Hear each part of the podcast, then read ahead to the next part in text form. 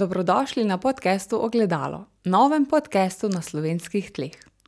V podkastu Ogledalo se bomo pogovarjali o vsem, kar diši po psihologiji. Razbijali bomo mite in tabuje, ter se učili, kako in zakaj poskrbeti za lastno duševno zdravje. Z vami sem psihologinja Špela Kresnik.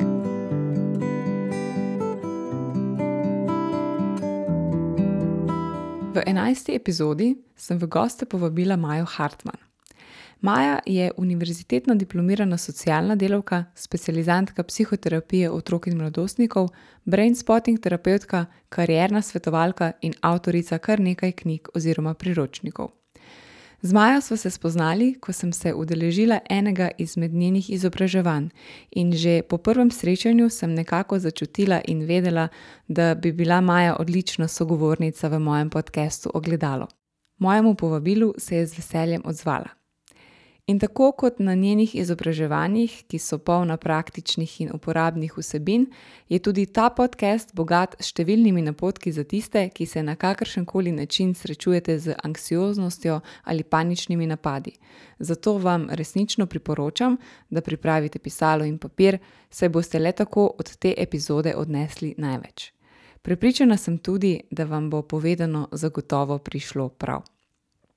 V opisu te epizode pa najdete tudi povezavo do priročnika, ki ga Maja omenja v podkastu, in kodo za poseben popust, ki ga je pripravila za vas. Maji se še enkrat iskreno zahvaljujem za njen doprinos in vso znanje, ki ga je z veseljem podelila z vsemi nami. Želim vam prijetno poslušanje. Pozdravljena, Maja, in dobrodošla v podkastu Ogledalo. Danes bomo govorili o zelo pomembni temi, anksioznosti. Zdaj, za začetek te pa lepo prosim, da malo poveš o sebi, kaj je tisto tvoje področje, s čimer se najbolj ukvarjaš pri svojem delu. Pozdravljena, Špela, najprej iskrena hvala za povabilo. Vesela sem, da bomo danes spregovorili ravno o tej temi, ki je pravzaprav moja najljubša tema. In se z njo ukvarjam res že vrsto let. Tako se te tehnike in vaje, ki pomagajo pri premagovanju anksiozne in panične motnje, izhajajo tudi iz najnovejših nevroznanstvenih raziskav o nastanku in spreminjanju nevronskih povezav. Potem so tu vaje izvedensko-kognitivne in integrativne psihoterapije, brain spotting terapije, ki je terapija za predelavo travm. Skratka, v vseh teh napotkih je torej vse tisto, kar je preizkušeno in kar deluje. Tako verjamem, da bova danes odgovorili tudi na marsikatero vprašanje in tako pomagali tudi poslušalcem, ki se tako ali drugače srečujejo z anksiozno in panično motnjo. Ja, zagotovo in se strinjam. No, pa kar začniva. Kaj v bistvu sploh je anksioznost? Ja, anksioznost lahko opišemo kot neki občutek strahu, ki se izrazi v različnih simptomih, ki ga lahko poimenujemo tudi kot nerealni oziroma iracionalni strah. Saj se pojavi takrat, ko nismo v življenjski nevarnosti. Ampak nas je strah nekih neprijetnih občutkov, ki bi jih lahko doživeli v prihodnosti. In tak strah nima nobene zaščitne funkcije. Saj če po drugi strani pogledamo ta realni strah, ki je prisoten ob življenjsko ogrožajočih situacijah, kot recimo proti nam drvi avto z visoko hitrostjo in nas je strah, da nas bo povozil, je to tisti strah, ki nas ščiti. In ta pa ima življenjsko pomembno funkcijo. In takega strahu si želimo, saj nas varuje in tudi telo v realno ogrožajoči življenjski situaciji se odzove popolnoma drugače kot pri anksioznem strahu. Se pravi, pri tem nerealnem strahu. Saj če smo življenjsko, resnično življenjsko ogroženi, bodo naše reakcije hitre, spontane, povečala se bo moč in učinkovitost. Medtem ko se pri nerealnem strahu oziroma anksioznosti pa pojavijo občutki nemoči, neučinkovitosti, zmedenosti, pojavi se tudi omajen občutek sposobnosti in samozavesti in tako naprej. In če se ti občutki, strahovi pojavijo prepogosto, se sama anksioznost lahko razvije v generalizirano anksiozno motnjo. Kar pomeni, da se ta nerealni strah začne pojavljati vsakodnevno, in to v precej običajnih stvareh, oziroma dejavnostih, kot je lahko odhod od doma ali pa odhod v trgovino ali pa ko moramo peljati avto na servis in podobno. Poleg tega se pojavijo lahko tudi drugi simptomi, kot so nemir, kot neki občutek, da smo na robu, težka utrujenost, lahko se pojavijo motnje koncentracije, ali pa ima občutek, posamezni občutek te prazne glave. Potem pojavi se lahko razdražljivost, mišična napetost, motnje spanja, težave pri uspavanju, pri ohranjanju spanja ali pa nezadovoljiv oziroma nemiren spanec. In če pri sebi takrat prepoznamo vsaj tri simptome, psihiatrični diagnostič, diagnostik, diagnostični priročnik, pardon, DSM-5 navaja, da je pri majhnih otrocih dovolj že en, ta simptom. Lahko že govorimo o anksiozni motnji.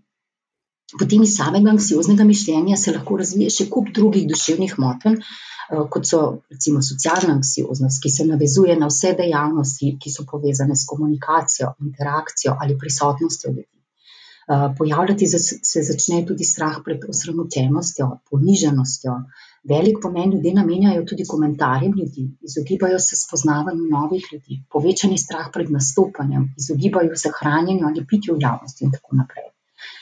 potem lahko se razvije separacijska anksioznost, tudi pri odraslih in ne samo pri otrocih, ki pomeni stalno prisoten strah pred resnično ali namišljeno ločitvijo ljudi, na katere so navezani. Oziroma zaskrbljenost, da bi izgubili osebo, ki jim je blizu. Potem se lahko razvije panična motnja, o kateri bomo nekaj povedali še malo kasneje. Lahko se razvijejo tudi specifične fobije, recimo strah pred letenjem, nevihtami, poznamo tudi strah pred živalmi, znani so strah pred pajki, kačami. kot posledica anksioznega mišljenja se lahko razvije tudi obsesivno-kompulzivna motnja, kar pomeni ponavljajoče se misli, ki nas silijo k dejanjem, a ne, in olajšajo tesnobo ponavljajočih negativnih misli. Kot je to recimo odpiranje pa zapiranje vrat ali pa ugašanje, prižiganje luči in podobno, večkratno. Skratka, sama anksioznost sicer ni nevarna, lahko pa povzroči kup zapletov oziroma je tista, ki pripomore k razvoju duševnih motenj, ki pa se potem seveda težje zdravijo. Zato je priporočljivo, da vsak, ki pri sebi prepozna prisotnost pogostih iracionalnih oziroma nerealnih strahov, da se odloči za to, da bo okrepil pozitivni miselni proces, ki je s spremembo anksioznega mišljenja tako zelo pomemben. Kako pa zdaj sploh pride do občutka anksioznosti? Od kod ta občutek izvira, kako nastane? anksioznost jaz poimenujem kar anksiozno mišljenje. saj so to tako imenovani negativni vzorci mišljenja, ki jih pridobimo skozi otroštvo preko naših staršev, skrbnikov, okolice in jih utrjujemo skozi lastne slabe izkušnje. Kaj to pomeni? Če so bili naši starši mnenja, recimo, da je svet nevaren, smo ta vzorec mišljenja zagotovo povzeli po njih. Saj kot majhni otroci ne vemo, kaj je res oziroma prav in kaj ne. In če se starš z neprijetnimi situacijami se je soočal tako, da se je situaciji izogibal, smo se naučili, da je to način, kako se spopadati s takšnimi situacijami. In če tega ne ozavestimo kot odrasli, to seveda prenesemo tudi kasneje na naše otroke. Kar pomeni, da se tak način mišljenja prenaša iz generacije v generacijo. In ne samo to, takšne in drugačne informacije, kako je svet nevaren, dobivamo tudi iz okolice, vsakodnevno. Lahko je to od prijateljev, sorodnikov, o strašnih nesrečah in krivicah lahko preberemo ali pa slišimo tudi na radiu ali televizijo. Kar nam to naše prepričanje, da je svet res nevaren, le še utrjuje. potem se lahko zgodi, da imamo tudi sami neko lastno slabo izkušnjo. In ponovno se prepričanje utrdi. In ko sami postanemo starši, lahko zaradi takšnega načina mišljenja postanemo tudi bolj zaščitniški do svojih otrok, kar pomeni, da otroku pomagamo tudi takrat, kadar to ni potrebno.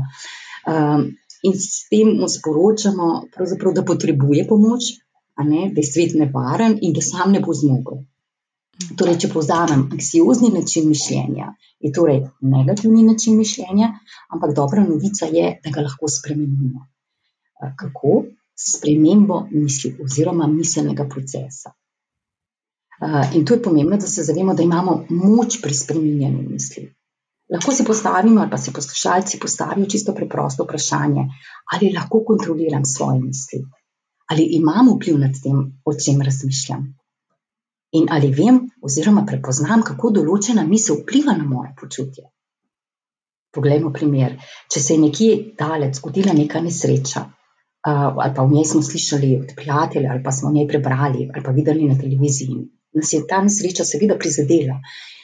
in o njej razmišljamo lahko še kakšen dan, dva ali celo več in nam preprosto ne gre iz glave. Ampak ali se lahko v takšnem trenutku ustavim in rečem, ne, o tem ne bom razmišljal, ampak bom razmišljal raje o nečem bolj prijetnem. Vsakdo od nas, seveda, je odvisno, kako smo čustveno upleteni v situacijo. Če smo čustveno bolj upleteni, bomo to naredili malo težje, ampak vsakdo od nas ima možnost, da se vsak trenutek preusmeri misli. Zakaj je to tako pomembno? Ob negativnem razmišljanju se v našem telesu sprosti kup negativnih hormonov, katera prisotnost na dolgi rok vpliva na naš hormonalni sistem in s tem tudi na naš imunski sistem, in ne samo na naše slabo počutje. Zato je res dobro, da čim prej pričnemo z vajami in tehnikami, ki nam bodo pomagale, da bomo imeli boljšo kontrolo nad tem, kaj razmišljamo in kako razmišljamo. Saj nam bo to pomagalo tudi pri premagovanju oziroma soočenju s temi nerealnimi oziroma iracionalnimi strahovi, o katerih smo prej govorili. Mhm. Torej, če prav razumem, imamo vedno kot starši, oziroma še preden, postanemo starši, kot odrasli, imamo vedno možnost, da presekamo to, anksiozno mišljenje in tako omogočimo prihodnjim generacijam, da zaživijo brez tega oziroma s čim manjšim, s čim manjšo anksioznostjo oziroma anksioznim mišljenjem. Nekaj si že povedala, kako se zdaj spoprijeti, s tem iracionalnim strahom. imaš morda še kak napotek, kako se zdaj torej spoprijeti s tem strahom, ki je iracionalen in ki ga ta anksioznost prinaša? Ja, strahovi se lahko soočamo in jih premagujemo na več načinov. najpomembnejša je preusmeritev misli. Potem, z vzpostavitvijo večje kontrole misli, prepoznavanjem, priznavanjem negativnih občutkov in pa seveda z njihovim sprejemanjem. pri tem si lahko pomagamo z vrsto vprašanj. Recimo, česa me je res strah, ali sem življenjsko res ogrožen v tej situaciji, kaj si želim, kako si želim, da bi bilo. Ali s tolažbo oziroma s prigovarjanjem, kot saj bo minilo, vedno mine, nič resnega se ne dogaja, ta strah nisem jaz in tako naprej. Lahko porabimo tudi vse druge tehnike za preusmerjanje pozornosti. Seveda pa so vse te to pravzaprav le začasne rešitve, če želimo anksiozno mišljenje spremeniti, je potrebno pristopiti celostno, se pravi, usmeriti se moramo v pozitivno mišljenje, v pozitivna pričakovanja, se osredotočiti na pozitivne stvari. Preveriti je potrebno, kako je z našimi prepričanji o sebi, se pravi, kaj menimo o sebi, kaj menimo o drugim, o svetu, o življenju, ali je življenje zame lepo ali je življenje kruto. potem delati moramo na samozavesti, na dvigu samopodobe, na pogumu. Pogledati moramo, kaj vse smo že dosegli v življenju, ne samo tisto, kar nismo in kar kar ni tako, kot bi si želeli. In si, se pravi, si na glas priznati, da smo dosegli že veliko, se pohvaliti, postaviti si moramo nove cilje. spodbuditi se moramo, da lahko, potem pogledamo, kaj si pa res želimo in tako naprej. Zelo pomembno je namreč tudi, da poiščemo primerne načine sproščanja, predvsem uvajanja, in učenja človečnosti, ki je izredno pomembno. S sproščanjem znižujemo tako imenovane negativne hormone in hkrati pripomorejo k nastanku novih nevronov, ki pripomorejo k večji koncentraciji, kontroli, osredotočenosti. Vse to skupaj pa nam bo pomagalo, da ohranimo stik s samim seboj. in vse skupaj, da bomo razvili neki pozitivni miselni proces, ki ga seveda okrepimo in vzdržujemo. Jaz mislim, da če zdaj niso poslušalci dojeli, kako zelo pomembna je skrb zase in da lahko največ naredimo sami, ne, to je res izjemnega pomena. Kaj pa panične motnje? Kdaj govorimo o panični motnji? Kaj pravzaprav oseba doživlja, ko doživlja panično motnjo? Ja, panična motnja je pravzaprav nenaden intenzivni simptom strahu, ki je prisoten pravzaprav kot pri dejanski življenjski ogroženosti, se pravi, tukaj gre res za intenziven in nenaden strah. Nekateri jo imenujejo tudi napaka možganov. Simptomi se razvijajo oziroma se pojavijo kot posledica naučenega anksioznega mišljenja. Oziroma če opišemo drugače, kot posledica dolgotrajne izpostavljenosti, stresnim situacijam. Pojavijo se lahko tudi po nenadni umiritvi, lahko med meditacijo ali selitvijo v mirno okolje, zaradi po dolgotrajnih stresnih situacijah, ko pride do nenadnega padca stresnih hormonov. Zato tudi, ko začnemo s sproščanjem, začnemo počasi in sistematično. znaki za panično motnjo so lahko, se pravi, srčne palpitacije oziroma hiter, nereden srčni utrip, zadihanost, občutek pomanjkanja sape, znojenje, tresavica, temnjenje pred očmi, bolečina, stiskanje v prsih ali občutek dušenja, pride lahko tudi do močnih krčev ali utrplosti udov, pojavijo se lahko tudi mravljinci. Potem navali vročine ali mraza, slabost v želodcu, bolečine v trebuhu, prebavne motnje, siljenje na bruhanje, lahko tudi bruhanje, strah pred smrtjo zaradi strahu pred odpovedjo srca, strah pred norostjo in pa občutek disociacije. kot vidno, so simptomi resnično lahko izredno, izredno neprijetni. Potem pomembno je tudi, kaj oseba doživlja po prvem paničnem napadu, saj je ravno, se ravno to soočenje izredno pomembno, kako se bo panična motnja potem ali utrdila ali zdravila. Se pravi, najpogostejše reakcije po napadu so povečana skrb za zdravje. Zaradi teh neprijetnih simptomov, kot so hitro bitje srca, potenje, slabost, se večina odloči za obisk zdravnika, kar je seveda prav. Ob prvem paničnem napadu se lahko simptomi za posameznika tako hudi, da se odloči poiskati pomoč na urgenci, kar je seveda normalno. Ampak ker ponavadi izvidi ne izkazujejo nekih fizičnih razlogov, se človek težko sprijazni s tem, da ne gre za neko fizično okvaro ali bolezen, in pogosto se zgodi, da vztrajajo in iščejo fizične vzroke za simptome, saj so prepričani, da nekje mora biti vzrok. A ne, velikokrat se znajdejo v nekem krogu obiskov pri zdravnikih, specialistih v želji, da bi odkrili ta pravi vzrok. Seveda je priporočljivo, da se opravi vse preglede pri kardiologu, če posameznik recimo ima težave s srčnim utripom, ali pa pregled želodca, če gre za pogoste slabosti in tako naprej. Že to, da posameznik ve, da ni nekega fiziološkega razloga, ga lahko pomiri. potem pojavi se močen strah pred ponovitvijo napada. Posameznik je pretirano fokusiran na kakršnekoli simptome v telesu, ki spominjajo pravzaprav na panični napad, a ne, prične se to katastrofiziranje kakršnegakoli simptoma, ki spominja na panično motnjo. In prav ta pretirana skrb pa seveda poveča anksioznost in ta ponovno vodi v panični napad. Pa smo zopet. Ja, in smo zopet tam. pojavijo se lahko tudi močni občutki krivde, da se je napad sploh zgodil, ne, začne se kritiziranje samega sebe, ne, zakaj se je to zgodilo meni oziroma kako je to sploh mogoče, da se je zgodilo meni. Potem napade povezujejo z velikimi občutki sramu in skrb, kaj bodo zdaj rekli drugi, ker se mi je to zgodilo ali pa ker se mi to dogaja. pojavijo se izredni občutki nemoči in pa skrb zaradi izgube kontrole in zato se ponovno vzpostavi stalna kontrola, kar pa vemo, da preprečuje sproščenost in umiritev nevrološkega sistema in seveda ponovno vodi v še hujšo stisko. In prav vse to, ne, jasno nakazuje razlog, zakaj se je panična motnja sploh razvila. Tak način mišljenja je namreč v posamezniku zakoreninjen in ga uporablja na vseh področjih življenja, ne le v paničnem napadu. Zato je za zdravljenje potrebna res sprememba v celotnem sistemu razmišljanja, mišljenja, prav tako, kot smo rekli, to velja za anksiozno, za anksiozno mišljenje.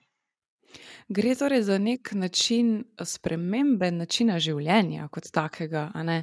In zdaj prej, ko si govorila o teh, simptomih, a ne, zaradi katerih običajno ljudje potem, ker so tako intenzivni in tako močni, poiščejo tudi zdravniško pomoč, kar je sicer povsem okej, a ne, ker je treba se najprej prepričati, ali je kaj na telesni ravni, pa vendarle se mi zdi, ko nekateri tako vztrajno iščejo dokaze, da je res nekaj na telesu, da je to tudi neki način bega pred prevzemanjem odgovornosti, da, ne, lahko sami v svoji glavi predvsem, porihtamo ene stvari. Kaj meniš recimo o tem, je to, se ti zdi to bežanje?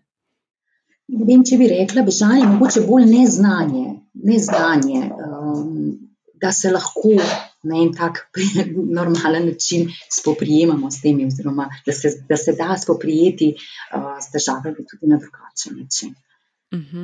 Kaj pa otroci? Ali otroci panično motnjo doživljajo drugače kot odrasli? So kakšne razlike?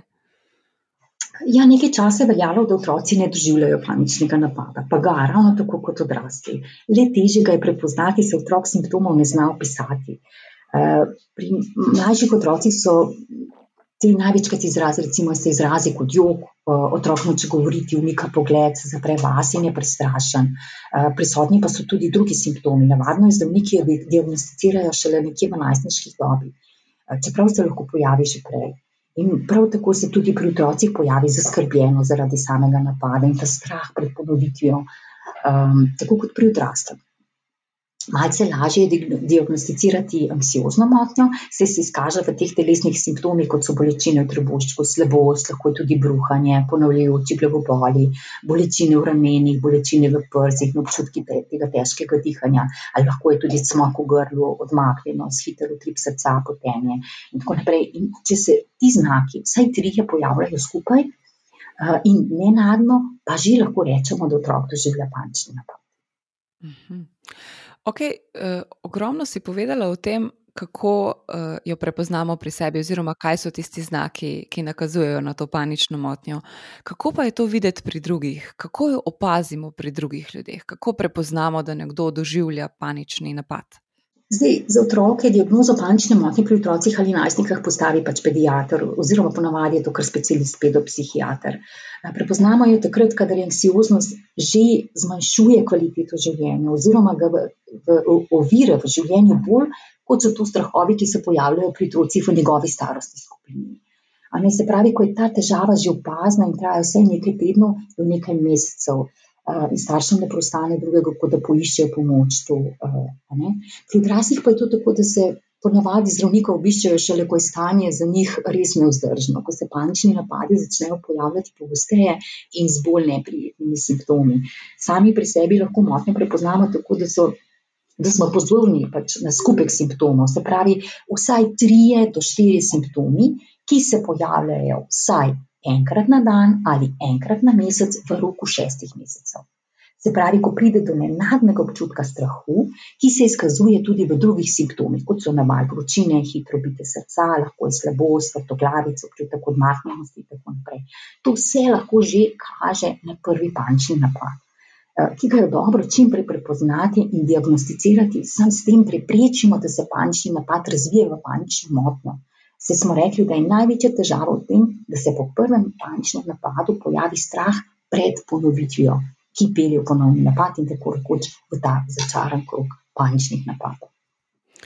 Okej, zdaj ogromno si tudi že povedala o tem, kako si pomagati od ob panični motnji oziroma, kako si pomagati že, v anksioznosti. Predvsem najbolj pomembno je, da pristopimo celostno, ne, in verjamem, da je tu zagotovo ena izmed boljših izbir, da poiščemo neko strokovno pomoč.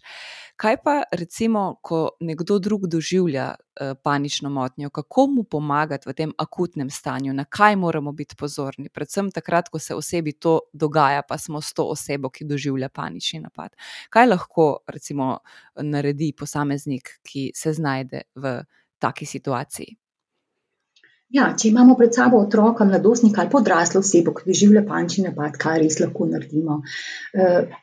prvo je najpomembnejše, da ostanemo mi mirni, da govorimo sicer mirno, ampak odločno. Potem drugo je zelo pomembno, da poskusimo vzpostaviti očesni stik. Očesni stik deluje kot neki način prizemljitve, kjer osebo pripeljemo v zdaj oziroma v ta trenutek, kjer je vse v redu. Ne glede na to, da gleda gor, dol, stran ali se izogiba pogledu, ga vabimo in vabimo in vztrajamo toliko časa, da vzpostavi ta očesni kontakt. in ta očesni kontakt vzdržujemo čim dlje in mu poleg seveda nežno prigovarjamo, da je tukaj, da smo z njim in da je vse v redu. Potem kot tretje lahko osebo tudi objamemo oziroma se ga nežno dotaknemo, saj dotik in objem nudita neki občutek varnosti. Če pa vidimo seveda, da mu je objem neprijeten, pa ga lahko zavijemo tudi v odejo. Saj tudi odeja daje namreč neki občutek varnosti, toplote in zavetja. potem pri hudih paničnih napadih lahko pride tudi do mišičnih krčev, krčenja udov, čeljusti, členkov na roki in takrat pač pomagamo, da se ude nežno masira. spodbudimo jih k globokemu vdihu, ki ga zadrži, ne, šteje do pet in nato izdihne. To ponovimo ne več kot trikrat naenkrat, a ne, potem naredimo triminutni odmor. S tem preprečujemo to hiperventilacijo in pa hitro dihanje, ne, da se, sprostijo mišice. Oseba tako lažje lahko zadiha in spodbudimo tudi večji pritok kisika v možgane. In ko znaki potem paničnega napada popuščajo, poskušamo pač preusmeriti pozornost sicer tako, da ga spodbujamo k ocenjevanju realnega stanja. Rečemo: Poglej, vidiš, vse je v redu, nič ni hudega, tukaj si, poglej okoli. potem ga spodbudimo lahko tudi odštevanju, damo navodila in recimo skupaj odštevamo, a ne, se pravi od petinsedemdeset do petindvajset, kar kar pomeni, da mora vzdrževati ta dvojni fokus na število, na katerega mora odšteti, in samo odštevanje. Potem pomagamo lahko tudi tako, da sprašujemo po barvi določenega predmeta. Če vemo, da se oseba uči kakšnega jezika, je še bolje, da odgovarja v tem tujem jeziku. Naloga mora biti ravno prav zahtevna, da je potrebno nekaj več razmišljanja, ampak ne sme biti pa pretežka, saj takrat miselna kontrola izredno slaba. potem zelo dobro se obnese tudi postavljanje vprašanj. Recimo, kako je ime prijateljici, kje živi, kako je ime mucki in tako naprej. Sploh če vemo, da je neka oseba ali pa neka aktivnost, dogodek za to osebo prijeten, ga spodbudimo, da se spomni teh prijetnih dogodkov, podob, slik, o njih govori, oziroma kratko odgovarja na naša vprašanja. lahko zavrtimo tudi prijetno, ampak spodbudno glasbo, uporabimo dišavo ali karkoli drugega, s katerim bomo preusmerili pozornost. če ima oseba napad v javnosti ali pa na prostem, jim lahko svetujemo, da lahko začnejo teči na vso moč, ker bo ravno tako pomagalo, da se bo napad hitreje umiril. Torej spodbujamo tudi spreminjanje pozicije, se pravi, če nekdo sedi, naj vstane in hodi, če teče, naj se usede, lahko skupaj odidemo v drugi prostor in tako naprej. Mlajše otroke pa spodbudimo k razigravanju z vajami, kot so roke v zrak, hoja, skok. ravno tako jih spodbudimo, da pogledajo skozi okno, da opisujejo okolico, skupaj lahko zapojemo ali jim pojemo, uporabimo lahko različne pripomočke ali igrače in tako naprej. Skratka, uporabimo lahko vse, kar je prijetno in spreminja osredotočenost na pozitivne občutke. mogoče bi povedala še nekaj, kaj po napadu, kar se mi zdi ravno izredno pomembno. kdaj vemo, da se je napad umiril? Ko se začne napad umirjati ali se je že umiril, nas otrok, mladostnik ali pa odrasel lahko brez težav gleda v oči, nas posluša in sodeluje, pogovoru sodeluje. Takrat je tudi čas, da takoj ponovimo, da se ni zgodilo nič hudega. Ne, z besedami zmanjšujemo vrednost paničnega napada in simptomov. pogovor peljemo tako, da uporabljamo besede, ki vodijo iz negativnega, neprijetnega v nevtralno in nato v pozitivno. Recimo: "To je bilo res neprijetno, možgani so se spet zmotili, ampak nič hudega, vedno bo bolje, zdaj veš, kaj se dogaja. vidiš, da se ne zgodi nič hudega, vidiš, da vedno mine, bolj si miren, hitreje mine." Čim prej preusmerimo misli, se pravi na pozitivno izkušnjo, kot mimo je, je že, je že v redu, za mlajše otroke lahko uporabim tudi, ne vem, škratki: "So imeli spet zabavo in so narobe pospravili, v redu si, pospravili, v redu si, vse je v redu, kaj bi zdaj najraje delal?" Ga potem povabimo k dejavnosti, ki, so mu prijetne. Nemalokrat se pa zgodi, da je oseba po napadu, sploh če je bil napad zelo intenziven, se pravi z visokim srčnim utripom, s krči, zelo utrujena. In takrat je ponavadi vse, kar si želi, le počitek in miren prostor, zato če se le da, mu to omogočimo, ne, izključimo vse moteče dejavnike in pustimo, da se spočije. ker pa seveda ni vedno nekoga zraven, pri otroku ali mladostniku odrasli osebi, lahko svetujemo, da si vse te stvari zapiše na neki kartonček ali pa vsaj nekaj opornih točk, ki mu bodo pomagale takrat, ko bo imel panični napad. zakaj na kartončke? Ob paničnem napadu je miselna kontrola izredno slaba in v takšnem stanju se težko spomnimo, kaj pa je priporočljivo, ne, in kako si pomagamo. Če pa imamo pri sebi neki kartonček ali pa list, lahko takrat vanj pogledamo in si tako pomagamo.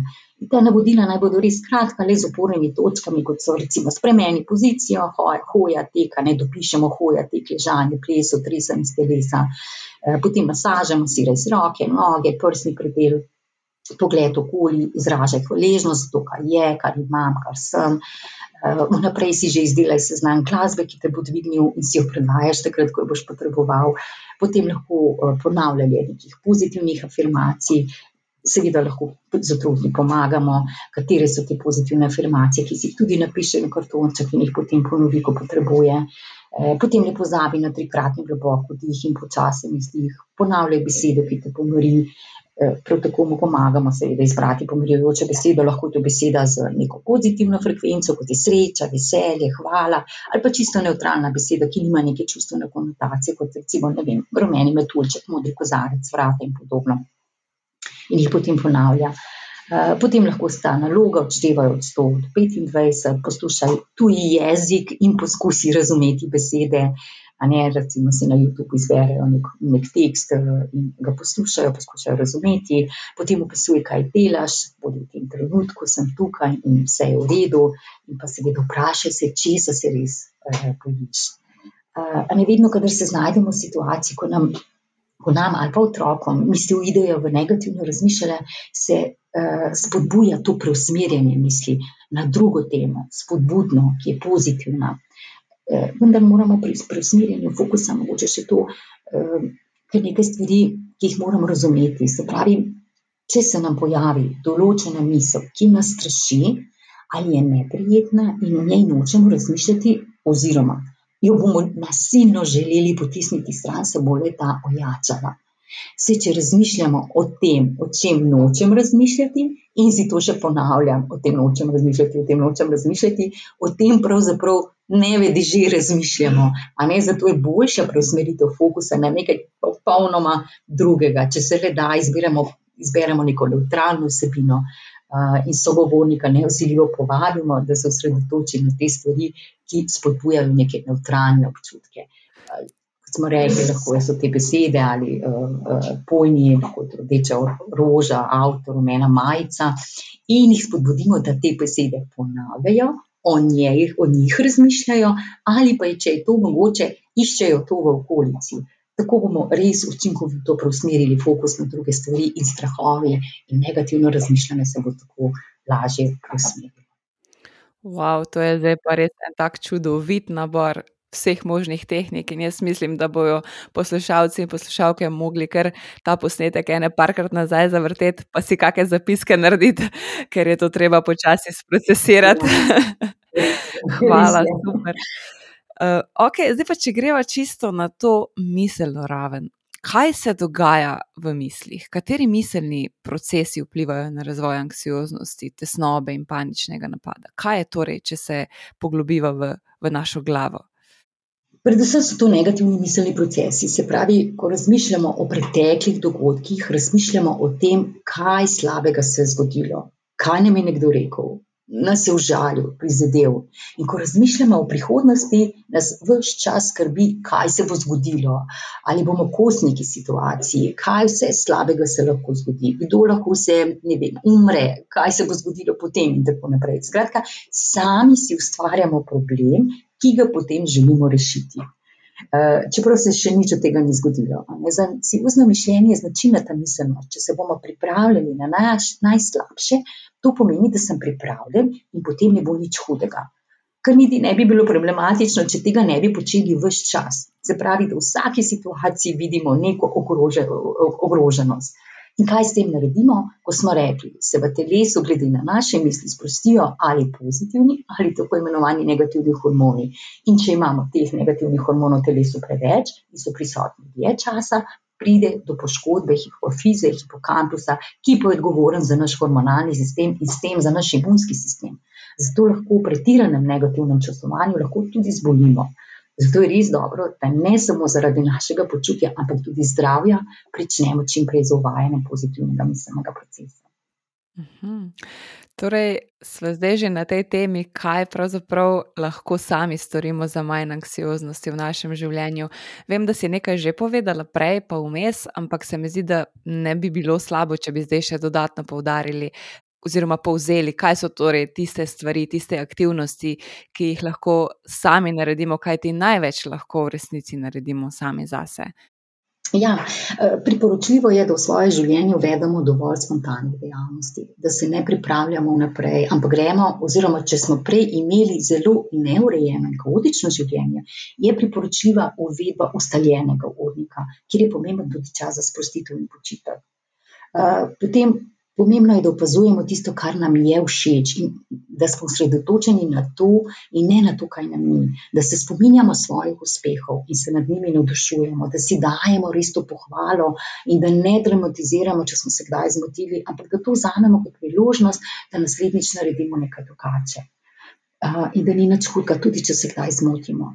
Potem, da pogledamo, kaj vse smo že dosegli, kaj imamo, in zato izražamo hvaležnost da ostajamo v tem trenutku, ne, da pričakujemo pozitivno spremembo in govorimo o spodbudni prihodnosti. Eh, potem, da si vzamemo čas eh, zase, da se vprašamo, kaj pa si želim v življenju, kaj si želim, da počnemo stvari, v katerih uživamo, da smo srečni in tako naprej.